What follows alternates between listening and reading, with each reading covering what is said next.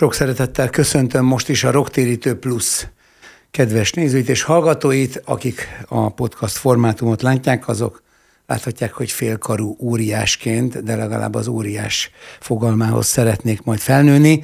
Ülök itt, és eh, mai vendégem eh, Somogyi Tíme a szociológus, akit szeretettel köszöntök itt a stúdióban, és eh, akinek a sorsáról, életpályájáról egy cikkből értesültem, ami félig interjú is volt, és akiről olyan megrendítő és engem csodálatra késztető információk voltak kinyerhetőek, hogy egy cigány soron nevelkedett, és egyetemi diplomáját, amelyet később szerzett meg, mint ahogy ezt általában szokták, azt már hat gyermekes édesanyjaként szerezte meg. Ez önmagában is lélegzetenállító. De emellett még nem csak szociológus kutató, hanem kőkemény terepmunkás is, és ezen belül így különleges intézményt vezet, menedzsel, és ezen keresztül nagyon sok gyermeknek segít, akinek így nem fog elkallódni a tehetséges az élete. Úgyhogy nagy szeretettel köszöntelek, egészíts ki bármivel a bemutatást, amivel még jónak látod, vagy cáfold meg. Nagyon köszönöm a meghívást, örülök, hogy itt lehetek. Köszönöm. Így nem egészítem ki semmivel. Jó. Somogyi Tímea vagyok, szociológus. Jó. Szóval egy, tényleg egy ultra hátrányos köze, közegből indultál, de ahogy olvastam rólad, ö, kaptad, vagy tanultad az olvasás szeretetét, és te is kiváló tanuló voltál, és te is nagyon szerettél olvasni. Ráadásul ö, ö, különböző tárgyakban is kiváló voltál. Ö, egy ekkora hátrányal indulva, szerintem ez élő cáfolata a determináltságnak. Annak, hogy csak reprodukálni tudjuk az elődeink sorsát. Te mennyire hiszel a gének, vagy az örökölt dolgok ilyen ilyetén erejében, és mennyire mi magunk irányítjuk a sorsunkat, akár mindannak ellenében, ami az őseinkkel történt. Én azt gondolom, hogy semmiképp nem a, a genetikánk határozza meg azt, hogy milyen sorsunk lesz, ha csak nem valaki olyan értelmi sérüléssel, vagy valami sérüléssel születik, ami komolyan meghatározza az ő lehetőségeit. De még abból is olyan jó dolgokat lehet kihozni. Én azt látom a világban, hogy sokan születnek hátrányos helyzetben, és a szorgalmukkal olyan sikereket érnek el, ami, ami látványos, és ami ez a hátrány, ez sarkalja őket arra, hogy, hogy, hogy legyőzzék ne csak a hátrányokat, hanem a legjobbak legyenek. Én úgy születtem, hogy a, a, egy tudásszomjal. Én borzasztóan vágytam arra, hogy megértsem a világot, ami engem körülvesz. De mióta az eszemet tudom, azóta így van, hogy hogy minden információ után nagyon-nagyon nagy vágyat éreztem, ezért én nagyon gyorsan megtanultam olvasni valóban. Nálunk nagyon sok könyv volt. Apukám mi a cigánysoron laktunk, mert édesapám és édesanyám egy nagy szerelemben éltek, és apukám annyira szerette az anyukámat, hogy beköltözött a cigánysor, hmm. és ő volt az egyetlen fehér ember a, cig- a cigánysoron. És hoztak a könyveit, amik általában klasszikusok voltak, és regények, és krimik, de, de nagyon gyorsan megtanultam olvasni. Mondjuk én azért tanultam meg olvasni, hogy annyi mesét olvashassak, amennyire vágyom, mert azt nem tudtam eleget kapni. Hmm, de csodálatos. Hát egyébként, amit megfogalmaztál, annak van egy ilyen nagyon jól csengő filozófiai definíciója is, vagyis annak legalábbis egy megközelítés, ami, ami Heideggertől származik, hogy létfeledés. Tehát az a létfeledés, uh-huh. amikor az emberek ez nem érdekli, amit téged, hogy miért vagyunk, mit kell tennünk, mi a világ, mi a létezés, hanem beleélünk a létezésbe, szóval kicsit biológiai síkon. Uh-huh. Sajnos nagyon sokan élnek így. Én magam is ö, hasonlóan hozzád nem is értettem, hogy hogy lehet így élni, uh-huh. csak én nem voltam soha olyan szorgalmas, mint te. Ö,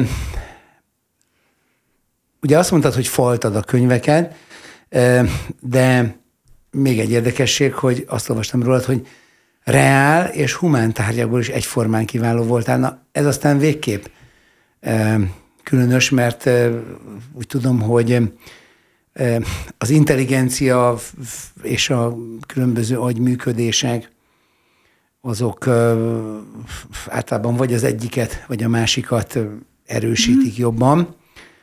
Hát és mindez az említett hátrányos közegből meg még, még megdöbbentőbb, hogy hogy létezik, hogy neked mind a két világod megvan?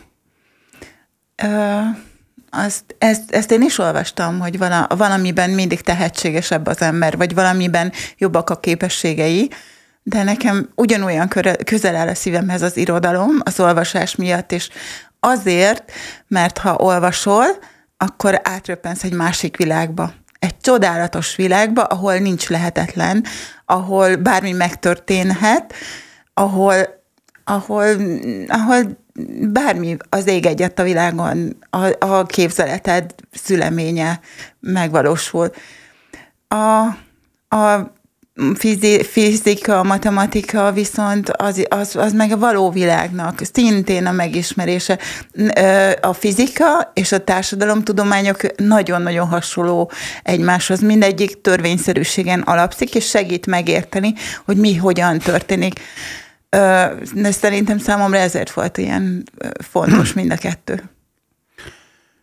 Azt megértem, hogy fontos volt, nekem is fontos, csak az a baj, hogy amikor a matematika korrepetáción kinkeservesen megértettettem magammal, hogy mi, mi is a integrál számítás, vagy hasonló, akkor az affinitás hiányában a fény ugyan felvillant, és gyönyörködtem is benne, csak nagyon gyorsan kihújt. szóval azért ezt nem hiszem, hogy mindenkinek pusztán az érdeklődés kellő mértéke miatt képessége is van mondjuk ugyanúgy a reál vagy a humán tárgyak. Én ezt nagyon élveztem a matematikát, mert legalább mindig volt eredménye, meg logikája, meg megoldása. Kétségtelen. Mondom, a tisztelet az maximális bennem Köszönöm. is, csak a képesség nincs meg. Üm, aztán azt is olvastam rólad, hogy üm, egy ifjúkori szerelem adódott, mm. amelynek révén te mégsem fiatal atomfizikus, hanem leányanya lettél. És ekkor sokan, hát nyilván az előítéleteikhez igazodva legyintettek, hogy hát neked is az lesz a sorsod, mint azoknak a roma származású hölgyeknek, akik fiatalon szülnek, és akkor gyakorlatilag ö, ö, az anyasága az élet feladatuk. Egyébként majd erről is beszéljünk, hogy én nem gondolom, hogy ha valakinek úgymond csak az anyaság az élet feladata, arra legyinteni kéne, bár ez nagyon divatos manapság, mert ez egy óriási feladat, és messze nem biológiai síkra szűkíthető, tehát ez egy, ezt nem szabad bagatelizálni, vagy kisebbíteni. De, de ha valaki még emellett másra is képes, azt meg engedni kell, sőt pártolni. Na a lényeg az, hogy nálad ugye ekkor már legyintettek, akik előítélettel bírtak, de azt is tudom, hogy az, amiatt is álltál bele ebbe a kapcsolatban, mert már terhes lettél, és a, a terhesség megszakításról hallani se akartál. Ez nekem nagyon imponáló, ha ez mind így van, akkor mi a véleményed a, az élet keletkezéséről, az abortuszról és az ezzel kapcsolatos probléma megoldási módozatokról? Én 14 évesen lettem terhes gyerekként, és számomra már akkor sem volt kérdés, hogy hol kezdődik az élet. És ez máig nem, máig nem változott, mert te is voltál embrió, én is voltam embrió, nincs a Földön olyan ember, aki nem volt embrió. Igen. És azt gondolom, hogy már az emberi élet onnantól értékes, hogy ez megfogant. Ez, efelől nem is, nem is értem, hogy hogy lehetnek kétségek, nem ítélkezem senki felett, de a saját életemben én irányítok. És hogyha senkit nem bántanék, akkor miért bántanám a saját gyerekemet? És ilyen alapon ö, született meg az én első gyerek. Ezért nem mentem abortuszra, nem csak akkor, hanem azért ö, sokan döntenek e- emellett. Én, ö, én egy kőkemény fejű gyerek voltam, és, és az elveimhez mai napig ezek, ezek az elvek nekem nagyon fontosak. Vannak más irányú elveim is, de én ezt tudom, és ezt, ezt pontosan tudom, hogy hol kezdődik az élet, főleg anyaként, amikor már megvolna a, a, a benned egy élet, akkor, akkor azt nem veheted el. És azt gondolom, hogy akkor is ezért hoztam ilyen döntést, meg ezt ma, máig így gondolom, és nem is értem, hogy hogy lehet ez kérdés. Ezt mondom ezt úgy, hogy nem ítélkezem azok felett, akik más döntést hoznak. Hát tulajdonképpen most úgy, ahogy van elmondtad a hitvallásomat e témában, uh-huh. pontosan ugyanígy gondolom, én sem ítélkezem, de én is azt gondolom, hogy az élet kezdete az eddig ismereteim szerint a fogantatás, és az első 24 órában a kromoszomák felveszik azt a speciális és egyedi alakzatot, amelyből később az embrió és a személyiség kifejlődik. Tehát az idővonalon nem tudunk megjelölni egy későbbi mm. dátumot, amikor a személyiség keletkezhetne. A párhetes magzatnak pedig már kezdenek a végtagjai is kiábrázolódni, viszont az első vérzés elmaradása az mindenképpen hetek általában. Magyarul, amire az, anya megtudja, hogy anya, addigra ez már fennáll.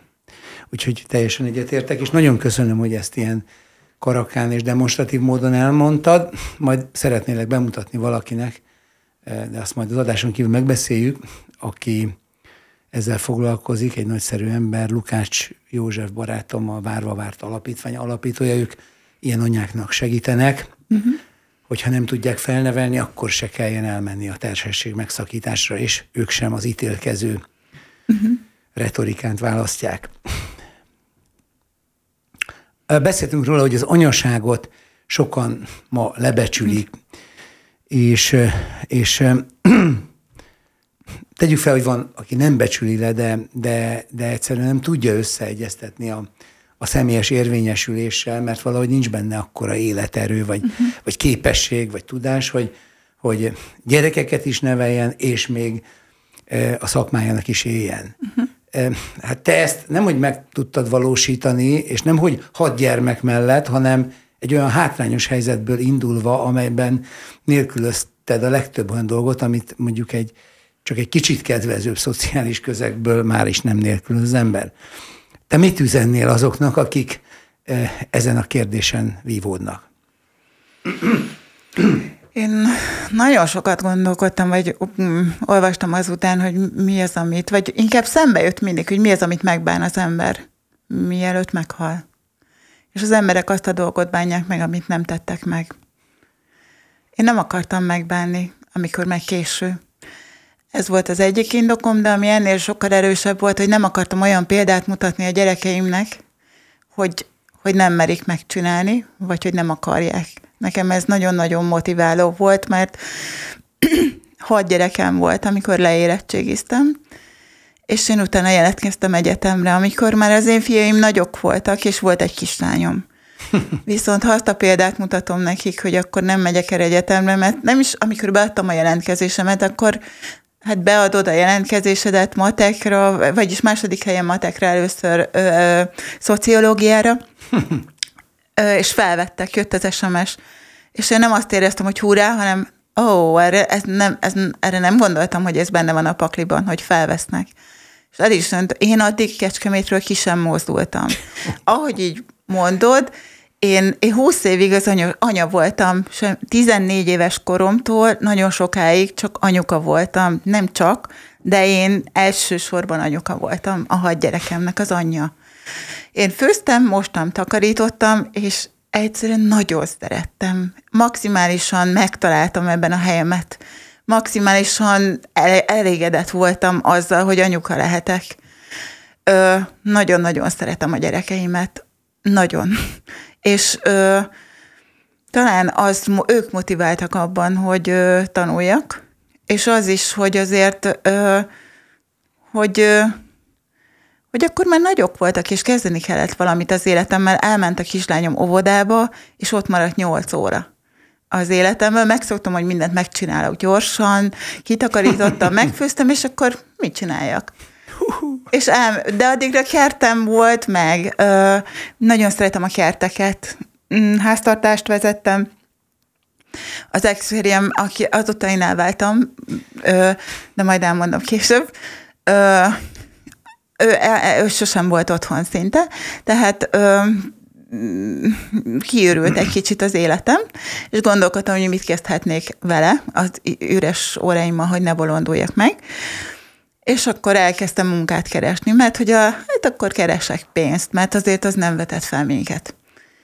Ö, de mosogatni nyolc osztályjal, cigánynőt, hat gyerekkel, mosogatni se nagyon akartak szerintem elmenni, takarítani meg pláne, és de viszont én ezt a kettőt annyira nem is nagyon szeretem csinálni, mert annyit takarítottam és mosogattam addigra, hogy, hogy nem ez volt a kedvenc tevékenységem.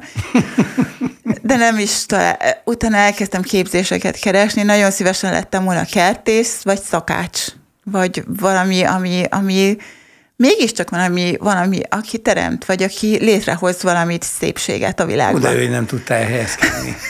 és végül egyetemre kellett menned. Aztán, de ahhoz, hogy én elmegyek képzésre, le kellett volna mondanom a főállású anyasági támogatásról, mm. amit viszont nem tehettem meg. Hát... És így mentem el érettségizni, tizedikben folytattam tovább, kilencedikben hagytam ott, a, elvégeztem a kilencediket, tizedikben folytattam, és utána mentem egyetemre, Pécsre.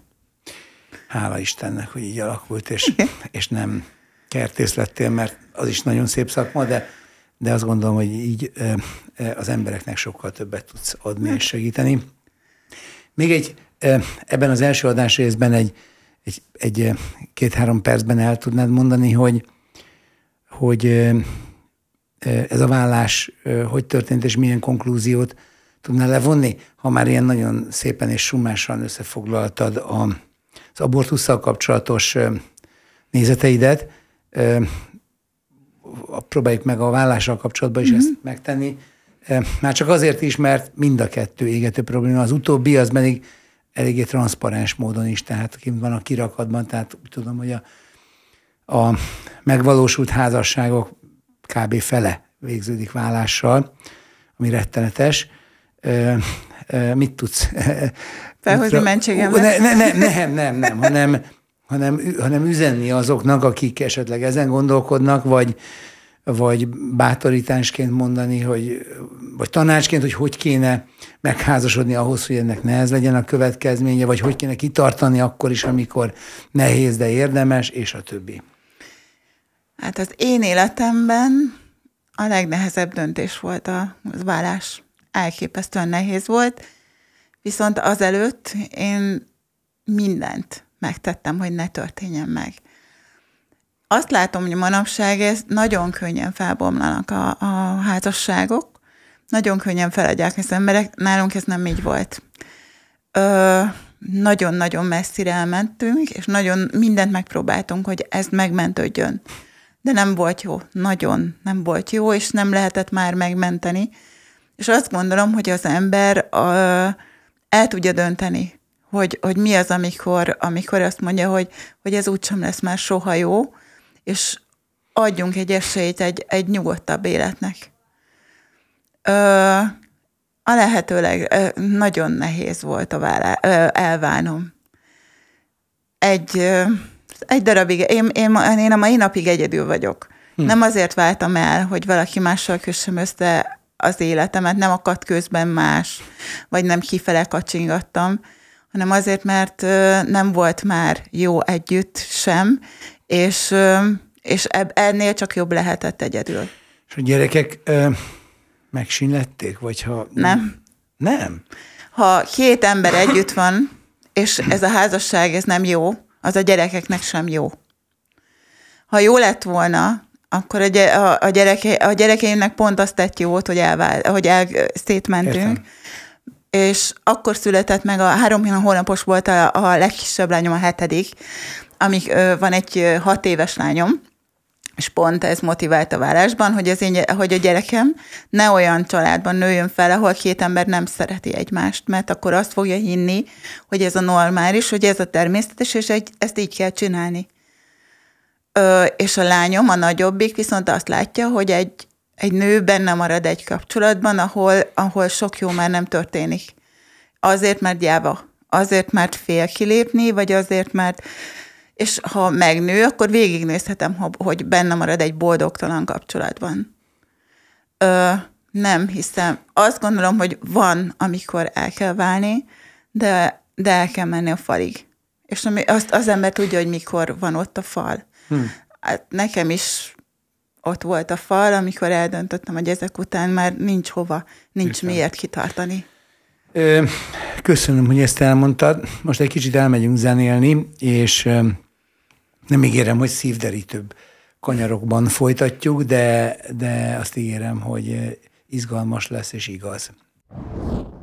Folytatjuk a beszélgetést Somogyi Tíme a szociológussal, akitől megrázó dolgokat hallhattunk a saját életéről, és ennek kapcsán abortuszról, vállásról és a hátrányos sorsúakat roppant módon ösztönző csodálatos életpályáról, amelyet ő ma is él, és ezen keresztül nagyon sokaknak segít.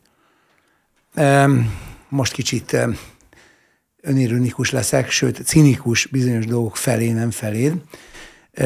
Szóval mondd el nekem félfehér bőrűnek, ugyan zsidó vagyok, hogy milyen a, milyen a pigmentológiai hierarchia hátrébb sorolt osztályok, osztályhoz tartozni, de ezen erőteljes cinizmussal megfogalmazott állítást vagy kérdést komolyabbra fordítva azt kérdezem inkább, hogy, hogy mit éreztél, amikor a, a fiadat, ahogy erről értesültem, azon kaptad, hogy egy suruló kefével próbálja megváltoztatni a bőrszínét? Ö, nekem a döbbenet volt akkor. A, azt gondolom, hogy az egy, az egy olyan pillanat volt számomra, ami gyakorlatilag megváltoztatta az én gondolkodásomat, mert az én családomban az anyukám csak mindig azt hajtogatta, hogy milyen szörnyű dolog, hogy barnának születtünk, a, le, a lehető legrosszabb dolog, ami történhet veled, az, hogy cigánynak születtél, mert hogy akkor mindenki lenéz, mindenki elítél, csak szegény és nyomorult lehetsz. Viszont a gyereke, én ezt úgy oldottam meg, hogy nem beszéltem róla. Engem ez különösebben nem érdekelt, ez bennem maradt, amit anyukám mondott, a gyerekeimmel nem beszéltem róla, viszont a gyerekeimet csúfolták az iskolában. És amikor én megpróbáltam mindent, nagyon rendes környezetben a tanárok próbáltak segíteni, a szülőkhöz mentem, a gyerekekhez, akkor még rosszabb lett a helyzet, hmm. amikor a gyerekekhez fordultam. Jaj. Megismerték a gyerekemet, nem csak Jaj. csúfolták. És amikor a gyerekem a kádban próbálta lemosni a színét, akkor az, az engem is nem, nem, nem azért rázott meg, mert le akarja mosni a színét, hanem azért, mert mindenkihez elmentem, csak a saját gyerekemhez nem. A saját gyerekemmel nem beszéltem soha arról, hogy pont ugyanolyan értékes, mint az, aki őt csúfolja. És hogy ez nem számít. És ő elhitte ezeknek az embereknek, hogy értéktelenebb azért, mert barna a bőre. Hát ez az undorító útvaros, guztustalan, alávaló ocsmány, hát nem eszme, hanem gondolati hányadék, ami a rasszizmus, vagy annak bármilyen formája, számomra maga az embertelenség. Tehát, hogy egy ember hogyan képes azt elhinni, hogy ugyanolyan húsvér anyaszülte emberek között mint amilyen ő is. Közö, különbség lehet származását tekintve, bőrszínét tekintve. Ez nem beszélve, vallását tekintve. Ez, ez, ez, ez maga gonoszság, szerintem. Hm, azt gondolom, hogy van egy olyan jelenség, hogy vannak emberek, vagy embercsoportok, akik attól érzik magukat egy kicsit jobban, hogyha ők lenéznek más embereket. Hát csak ez, ez tulajdonképpen ez, önönsilányságukat Ez egy elég nyomorult, igen. Tehát tudom, hogy, és ugye, hogyha mondjuk most pár száz évvel fiatalabb lenne az emberiség, és még a rabszolgatartás korában élnénk, akkor is ez ugyanolyan súlyos morális védség lenne, mhm. félreértés nehesség. Csak egy picit több mentő körülmény lenne a felvilágosultság hiányára. De a 21. században, pont most 80 évvel a holokauszt után, ahol ugye 6 millió zsidót pusztítottak el a származása miatt, nagyon-nagyon sok romát, vagy az amerikai szegregáció jól dokumentált évtizedei után, aki ezt, ezeket az eszméket képviseli, vagy cigánybűnözésről beszél meg ilyen mérhetetlenül felháborító aljas szóösszetételeket alkot, az, az azért gonoszabb talán valamennyivel annál is, aki az előbb említett szörnyű népírtásokat elkövette, mert annak tudatában mond ilyeneket, hogy, hogy a történelemnek ezek, hála Istennek, vagy szörnyű, de hála Istennek a legdokumentáltabb fejezetei. Ez így van. Én azt gond, arra szoktam gondolni, amikor ilyennel találkozom, én is cinikusan, annyit szoktam megegyezni, hogy neki ennyi jutott. Igen. Neki ennyi jutott, hogy, egy, hogy többnek, ennyi jutott, hogy ennyitől érzi magát többnek, mert hogy képet, képtelen más teljesítményt felmutatni. Mert ha képes lenne más teljesítményt felmutatni, mint a saját fehér bőrét, akkor nem. Ami, ami nem teljesítmény, ugye? Igen. Tehát abban semmiféle teljesítmény nincs, mert senkit nem kérdeztek meg van. a születése előtt, hogy hova és minek akar születni. Hát persze. És, és... Na, enne is fertegessünk több időt e- erre a kasztra. Valószínűleg hozzájuk nem jut el ez az adás, de, ha, de azért időnként én kiposztolok direkt ilyen mm. kicsit bedühödött állapotomba olyat, ami azért eljut hozzájuk, mert az algoritmusok segítenek mm. ilyenkor. Aztán zúdulnak is rám a kőkeményen. Múltkor olyan ö, visszajelzéseket kaptam egy ilyen antini hazánkos posztra, hogy lesznek még cipők a Dunaparton? Hasonló. Szóval így beszélnek ezek a derék emberek. Na, de tényleg hagyjuk mm-hmm. őket, ne, is, ne idegesítsük magunkat. Én ettől már nem leszek ideges. Én igen. Na jó. A, a, tehát 30-as éveidben fejezted be a gimnáziumot, igen. és utána mentél egyetemre. A szociológián belül a statisztikai kutatások képezik a szakterületet. Ez mit jelent közelebbről? Hát, Számunkra alacsonyabb szintű lények számára magyarázd el. Én a statisztikai alapján kezdtem el kutatni, mert hogy a cigányságot teljesen más statisztikai adatok jellemzik, mint a, a többségi társadalmat. És egy ilyen izgalmas dolgot, hogy van a társadalom egésze, és a társadalmon belül van egy csoport, ami teljesen más mutatókkal jellem, jellem, más mutatók jellemzik, az egy nagyon izgalmas dolog. Az, hogy te ennek a csoportnak a tagja vagy, és és hogy ezek az adatok rád is jellemzőek. Ami engem először megfogott, az, hogy a cigányok 15 évvel kevesebb ideig élnek és az, hogy nekem gyerekeim vannak, megszületnek, és már a születés vagy fogantatás pillanatában tudjuk, hogy ő 15 évvel kevesebbet fog élni, az, az nagyon megrázó volt. Akkor az volt az első, hogy akkor miért élnek a cigányok kevesebb ideig. Utána sok gyerekesként, hogy miért van sok gyerek a cigány embereknek. Hm. Ö, és az egész végül volt, hogy hogyan határoz meg engem az, hogy cigánynak születtem. És ez mind nagyon izgalmas téma, és, és nagyon jó ennek utána járni.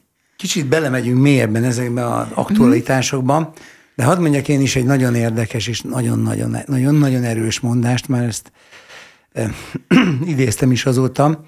E, ugyanebben az adásban, a Rocktérítő Pluszban volt nálam Begzoli, a 30Y mhm. frontembere. Új, nagyon szeretem őt. E, tanár és romológus, és ezt a témát vele is érintettük alaposan, és ő idézte Csalog Zsoltot, akit én ismertem személyesen is, 70-es években, még később is legendás szociológus volt, és uh-huh. nagy roma kutató, egy csodálatos ember, és és Zsolttól idézett egy, egy mondást, amikor megkérdezték tőle, nyilván a, a, előítéletességet levetközni próbálva, de ez a próba nem annyira sikerült a kérdésben mm. legalábbis, hogy Zsolt, milyenek a cigányok? és akkor erre azt mondta, sokfélék. Nagyon szellemes, ez a teli találat. Úgyhogy akkor nézzük meg tényleg, hogy, hogy mert, mert vannak, és ezt, ezt pontosan egy olyan ember tudja jól cáfolni, vagy jól kontextusba helyezni, mint amilyen te is vagy. Hogy például én jártam börtönbe prédikálni, meg zenélni embereknek. És hát azt, ha akartam, ha nem, láttam, hogy azért a többség roma származású. Ez sajnos tény. Uh-huh. Javító intézetekben sajnos dettó. Akkor te olyan ehhez képest nem ennyire megrázó, de érdekes jelenség, és foglalkozol itt, hogy, hogy miért adnak a cigányok gyakran ilyen szapar, szappanoperából kölcsönzött neveket, Jennifer, mit tudom én, Ricardo, Pamela, stb. Vagy miért szülnek olyan korán, uh-huh. és miért házasodnak olyan korán, vagy időnként az agresszivitás miért jellemzi talán az átlagnál jobban egyes romákat. És egyáltalán kell-e félni a cigányságtól, vagy a cigányoktól? Tehát én azt gondolom, hogy ennek a leghitelesebb interpretátora te vagy, úgyhogy átadom a szót. Hú, ez akkor nagyon hosszú. Nem baj, nem baj. Van még egy jó, erős hét percünk. mivel kezdjem, mivel szeretnél? A, ami, ami szimpatikus. De kezdjük a, kezdjük a, a lájtos, a bulvár témával, hogy miért, miért Pamela, Ricardo, Jennifer, stb. a választás. Ö, az én nevem Tímea. Azért vagyok Tímea, mert az én szüleim kedvenc könyve az Aranyember volt. Aha minden ember, minden szülő szereti a gyerekét, és mindenki a legjobbat akarja neki. És mi az, amihez, milyen kulturális forráshoz jut hozzá, ez attól függ, lát az én szüleim láttak egy tisztességes, becsületes nőt az aranyemberben, és szerették volna, ha ilyen lesz a lányuk. Aranyemberek voltak, vagy de. Igen. Viszont a tévében, a szapanoperákon keresztül milyen vágyott világ jut el a cigány emberek otthonába, a szegényebb emberek otthonába. Ez a kulturális forrás. És pont szeretnék, hogy olyan sikeres és szép emberek legyenek a gyerekeik, mint azok a szappanoperában szereplő Don Juanok és, és, és hölgyek. Tehát ez, ez borzasztóan egyszerű. Mindenki azért vicces. nevezi el a gyerekét. Ha én egy kicsit szerencsétlenebb vagyok, akkor a szüleim nem tudom én más könyvet szeretnek, vagy de ez alapján etnicizálódnak a nevek. Az... Ó, Rómeó, miért vagy te Rómeó? Lehetnék Júlia is. Ö, tehát ez, ez ilyen borzasztóan egyszerű. Az, hogy etnicizálódtak, az, meg, az pedig a rasszizmus, vagy ez meg az előítéleteknek köszönhető. Ö, és, és az agresszivitás, a hangosság, a követelőzés olykor, tehát ezek a negatív ismérvek, azok miért fordulnak elő, vagy hát mindenki, velem is mhm. előfordul félrét és ne essék, tehát hogy uh-huh. mindenkivel előfordul, de hogy, de hogy van egy ilyen jegy, amiről sokan azt mondják, hogy a cigányságnál ez gyakoribb. Ha megnézed, a cigány emberek nagy része nem él gazdagságban, és általában gettókban élnek. A gettókban ki az, aki sikeres, az, aki erősebb, aki előbb üt, az, aki erőszakosabb, Ö, és ez a túlélési stratégia. Igen. Tehát minden gyerek a szüleitől tanulja meg a túlélési stratégiát, azt, ami adott társadalmi csoportban, adott helyen életben tudják tartani. És az agresszivitás és az erőszak, a hangosság ugyanennek a része.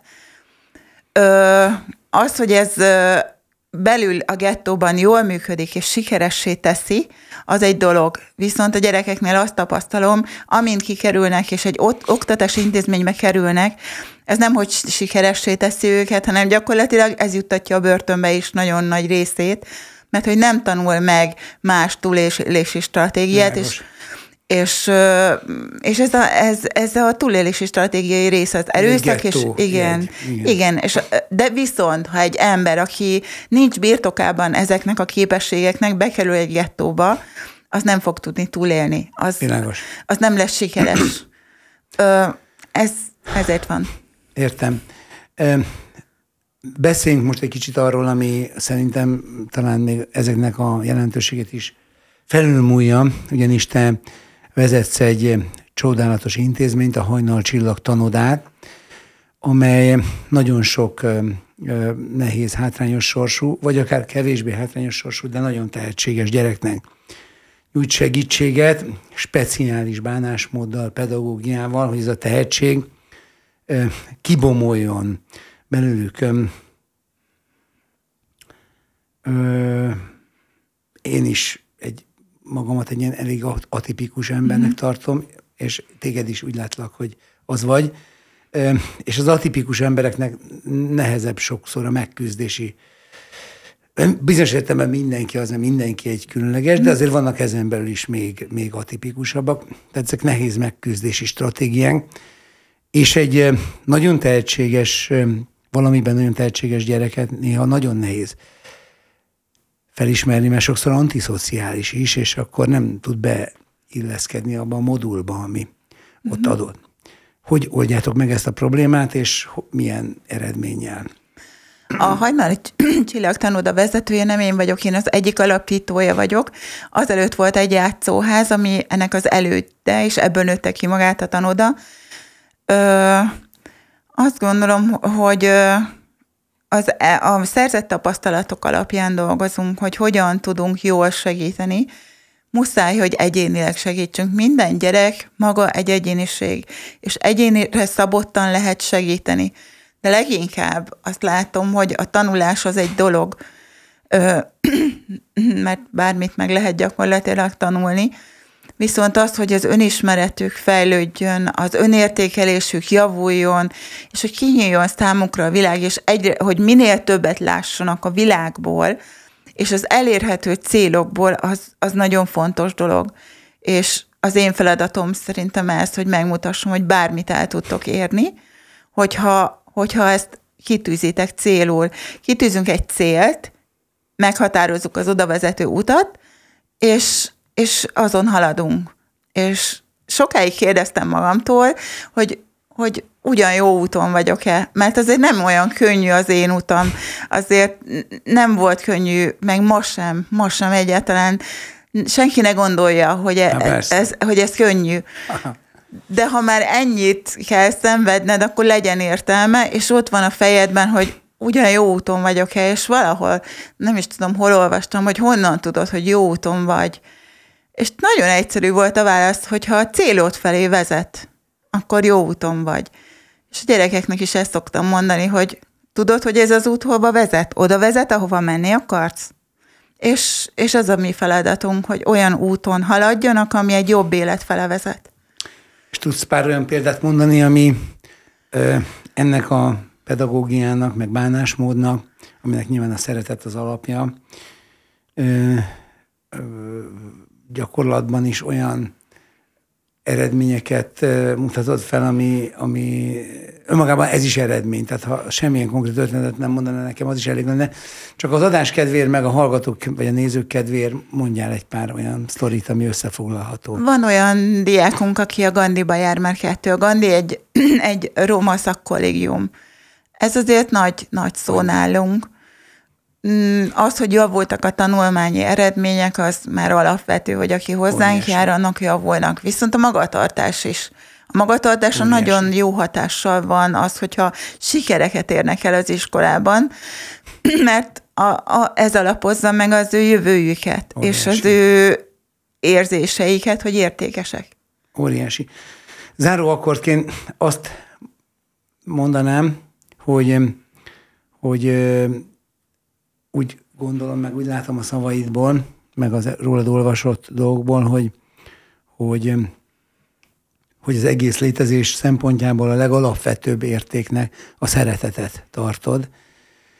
ezzel, ebben teljesen egyetértünk, és mi több, ez a Bibliának is a fő üzenete, ha már rocktérítő plusz. És azt szeretném tőled kérdezni, hogy szerinted miért van az, hogy mi emberek ilyenek vagyunk, hogy a legfőbb szükségletünk végső soron a szeretet? Azt gondolom, hogy a szeretet mindennek a forrása. Nem hiszem, hogy enélkül lehet élni, az olyan, mint a levegő. Az, hogy szeressünk, az az egyik. Nem csak szeretve jó lenni, hanem szeretni is pont olyan jó, mint, mint szeretve lenni. És mit tudsz azoknak mondani, akik, akik annyira vágyják a szeretetet, mert valahol annyira nem kapták meg, vagy nem tudták átvenni, hogy emiatt nem tudnak adni sem szeretetet, pedig nagyon szeretnének. Nekem fontos volt ez is, hogy, hogy szeretni tudjam önmagamat. Az, amikor rájöttem, hogy változtatni kell az életemen, az az, az az egyik pillanat az volt, amikor rájöttem, hogy nagyon-nagyon nem szeretem azt, aki vagyok. És azon gondolkodtam, hogy milyen az az ember, akit én szeretni tudok. És e felé kezdtem menni, és ma már tudom magam szeretni azért, aki vagyok. Ó, de jó. Ö, és nagyon világos. Ha magunkat tudjuk szeretni, másokat is fogunk tudni szeretni. Ha magunknak meg fogunk tudni bocsájtani, persze másoknak is, akkor fogunk tudni szeretni, és azt hiszem, hogy a, a másoknak való megbocsájtás mellett az önmagunknak való megbocsájtást is hangsúlyozni kell. Mert néha ez evidensnek tűnik, de észrevétlenül ez mérgezi belül az embert. Köszönöm szépen, hogy elmondtad ezeket. Somogyi Tíme volt ma a vendégem a Rocktérítő Plusznak. Szerintem nagyon izgalmas és tartalmas volt, fogjuk folytatni az adás folyamot. Köszönöm.